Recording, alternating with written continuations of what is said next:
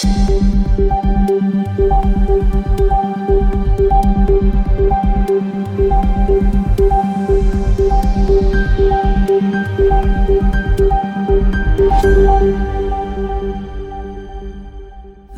tilbake til Krimnytt, en podkast for deg som ønsker å følge med på aktuelle true crime-saker. Vi skal begynne med saken om Jonas Henriksen.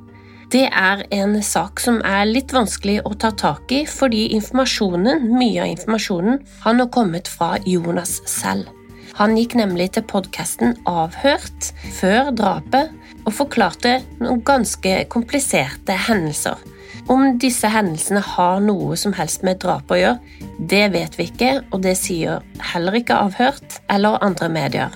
Men det er veldig påfallende at Jonas føler seg så utrygg at han velger å gå til en podkast med informasjonen. Jeg skal nå prøve å pusle sammen det jeg har fått fra disse ulike mediene, som podkasten Avhørt, eh, VG, NRK og det lille vi vet fra politiet. 23. august slapp podkasten Avhørt første episode om drapet på Jonas. Det var på torsdag 17. august at 30 år gamle Jonas Aarseth Henriksen ble funnet drept ved en hytte på Nes i Ringerike. Jonas hadde i lengre tid blitt utsatt for vold, hærverk og skremmende opplevelser. Det gikk så langt altså at Jonas gikk til podkasten Avhørt for å fortelle sin historie og forhåpentligvis finne ut hvem som sto bak. Og dette er altså en sak der noen vet hva som har skjedd. Og forhåpentligvis så vil noen på et eller annet tidspunkt prate.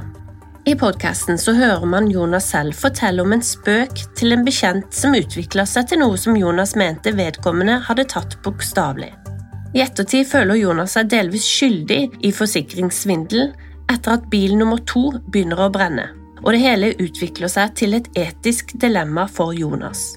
Det hele starta i juni 2021 med en brann i en bobil som tilhørte en kompis av Jonas. Bilen hadde lenge stått utenfor verkstedet som Jonas leide, og overvåkningskamera viser at noen kaster en brannbombe mot bilen. Hendelsen ble omtalt på Åsted Norge. 22.9 så skjer noe som Jonas selv mener er avgjørende for det som skjer videre. Jonas skal ha da sittet i en bil med en kompis eller en han kjenner, der de kjører forbi Jonas sitt verksted der bobilen hadde brent ned.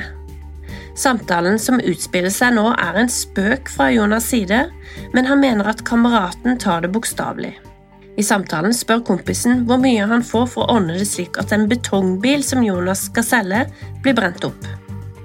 Jonas sier 10 000, og kompisen sier at det ikke er nok. Jonas foreslår 20 000 kroner, og da skal kompisen ha sagt at det skal han ordne. Jonas forklarer så til avhørt at når denne bilen står i brann dagen etter, så skjønner han at han har bestilt denne brannen uten å ville det. Når han kommer til åstedet, kommer en annen bekjent eller kamerat bort til han. Han sier at han har lagt ut 20 000 kroner til noen profesjonelle som han omtaler som gutter. Jonas blir pressa til å betale 20 000 kroner, og han gjør opp for seg med denne andre mellommannen eller kameraten. Av at Jonas kommer i en klemme her, så holder han tilbake noe av sannheten. Han forteller ikke politiet om denne mannen som har krevd han for 20 000, og han forteller heller ikke politiet om spøken i bilen. Det som ikke kommer frem, er hvorfor denne mellommannen ble involvert. I avhørt forteller Jonas at denne mannen sa han ikke visste om hendelsen før den skjedde, og at han ble bedt om å ta imot penger fra Jonas. Men til Jonas sier han at han har lagt ut penger, så hvorfor var han involvert? Jonas får forsikringspenger for betongbilen, men beløpet er lavere enn det han hadde fått ved salg, ifølge han selv. VG gjør et intervju med denne mannen som krevde Jonas for de 20 000 kronene. Han går nå under navnet Sindre. NRK skriver at 27.2.2022 så brenner nok en bil som eies av Jonas. I avhørt sier Jonas at denne hendelsen var 28.3.2022. Jeg er litt usikker på hva som er riktig. Denne bilen er en krokbil som disponeres av Sindre. Bilen står i nærheten av boliger, og nå blir Jonas veldig bekymra. I utgangspunktet skal jo Jonas ha betalt de pengene han skylder, og ingenting skal være uoppgjort. Nå står altså en av Jonas sine nye Volvoer i brann. Det er nå Jonas velger å fortelle alt til foreldrene og så til politiet. Han VG kaller Sindre og mannen som han skal ha spøkt med i bilen, blir tatt inn til avhør. De vet nå at det er Jonas som har fortalt om dem til politiet. Den ene av mennene gir inntrykk av at han vil ødelegge for Jonas, mens den andre, mest sannsynlig Sindre, ikke vil ha noe med Jonas å gjøre lenger. I VG sitt intervju med Sindre kommer det ikke frem hvorfor Sindre krevde penger fra Jonas og ble involvert. Heller ikke Sindre sin forklaring av den tredje brannen av en bil forstår det som at han er leaset av Jonas. Sindre sier også til VG at han og Jonas har skværet opp før drapet, og at han ville bruke Jonas som referanse til en ny jobb. Sindre skal ha vært avhørt som et vitne i saken, og ingen av de to mennene omtalt her skal være mistenkt i drapet. I 2022 så flytter Jonas inn til kjæresten i Tønsberg. 9. mars står Jonas tidlig opp og går til bilen sin som står parkert utenfor huset. Der ser han to menn som står og koster like ved. Jonas forteller til avhørt at den ene mannen er kledd i sort og ansiktet er dekka til. De hilser på hverandre, og idet Jonas skal sette seg inn i bilen, roper mannen på Jonas, og når han snur seg, så sprayer han pepperspray i ansiktet på han. Mennene begynner å slå Jonas med ulike gjenstander. Han klarer likevel å løpe unna og komme seg inn i leiligheten. Mennene kjører unna i en Toyota Vansis. Politiet og ambulanse blir ringt, og Jonas kommer unna overfallet med mindre skader. Jonas følte ikke politiet gjorde nok, og tok selv vare på bevis. Saken ble nok en gang henlagt. I april skjedde nok en hendelse.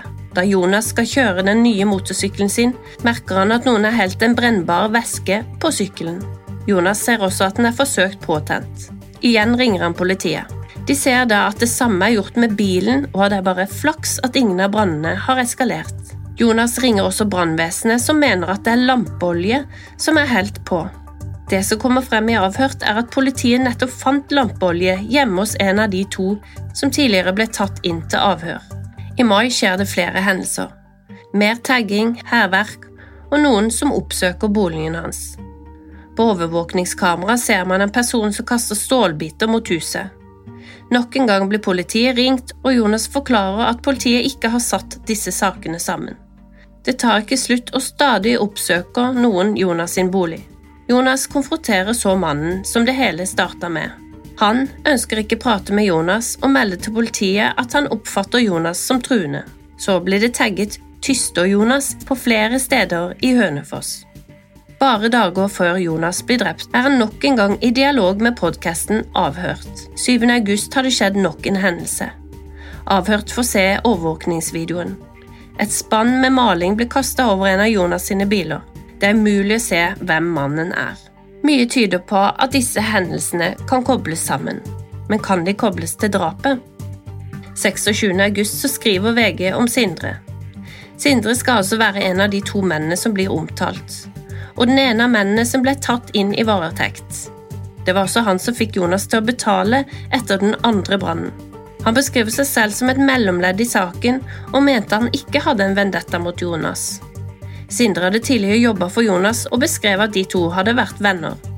Etter han slapp ut fra varetekt, så kutta de to kontakten, men de hadde skværet opp i juni på en bensinstasjon i Hønefoss. Avhørt sier til Vega at de ikke har knytta hendelsene Jonas forteller om, til drapet. Det som er sikkert, er at Jonas følte seg utrygg, og at noen ønska å ødelegge for han. Totalt fortalte han at det var 14 hendelser utenom brannene. Hvem de var, vet han ikke, og om dette førte til drap, vet heller ikke vi. Om det er noen som sitter med opplysninger på denne saken, ta kontakt med politiet. Avhørt har også sagt at folk kan ta kontakt med de om de sitter på informasjon. Siden vi tidligere har hatt en episode om Wagner-gruppa, så må vi også innom flyet som styrta i Gåstein 23. august. Det skal ha vært ti mennesker som omkom, og blant dem så var Prygosjin og Utkin. Wagner-gruppa skal angivelig ha vært dannet i 2014 av nynazisten og elitesoldaten Dmitrij Utkin, og senere leda av den tidligere kriminelle Prigozjin. Han starta som kriminell, og etter å ha sona åtte år i fengsel gikk han fra å selge pølser til å ha et cateringfirma som supplerte hæren og skoler i Moskva rundt 2000-tallet. Han knytta også kontakter med viktige politiske profiler og fikk kallenavnet Putins kokk. Hæren med leiesoldater har i åtte år herja i flere land som Ukraina, Sudan, Syria, Mali og Libya, for å nevne noen. De er beskyldt for å bruke tortur, henrettelser, plyndring og voldtekt av sivile og har flere brudd på menneskerettighetene. Det er tydelig at Putin har dratt nytte av Wagner-gruppa. Den 24. juni i år så tok Wagner-soldater kontroll over militære anlegg i byene Rostov og Voronezh. Prigozjin skal ha bedt russiske soldater om å slutte seg til Wagner-gruppa, for så å gå mot Moskva.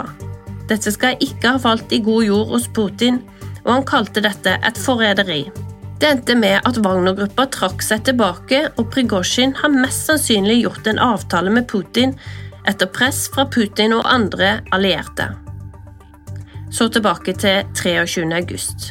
Flyet som styrta, skal ha hatt fem Wagner-topper og tre mannskap om bord, og destinasjonen var Moskva til St. Petersburg. Flyet hadde vært i lufta i mindre enn en halvtime før det styrta og tok fyr. BBC skriver at vitner beskriver to smell før flyet styrta, og at det kan tyde på eksplosjon før flyet gikk ned. Dette skjer for øvrig samtidig som en av Russlands militærtopper fikk sparken. Han er ikke sett offentlig siden Wagner-gruppa utfordra Putin.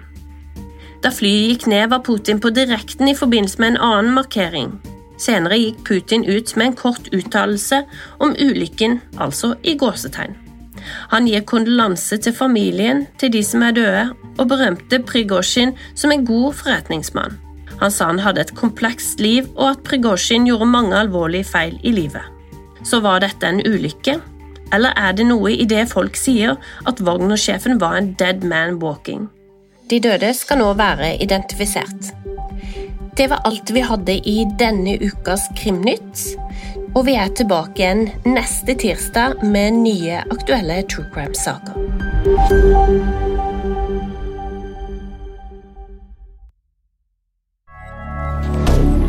Moderne media. Har du et enkeltpersonforetak eller en liten bedrift? Da er du sikkert lei av å høre meg snakke om hvor enkelt det er å sende faktura med fiken. Så vi gir oss her, fordi vi liker enkelt. Fiken superenkelt regnskap. Prøv gratis på fiken.no.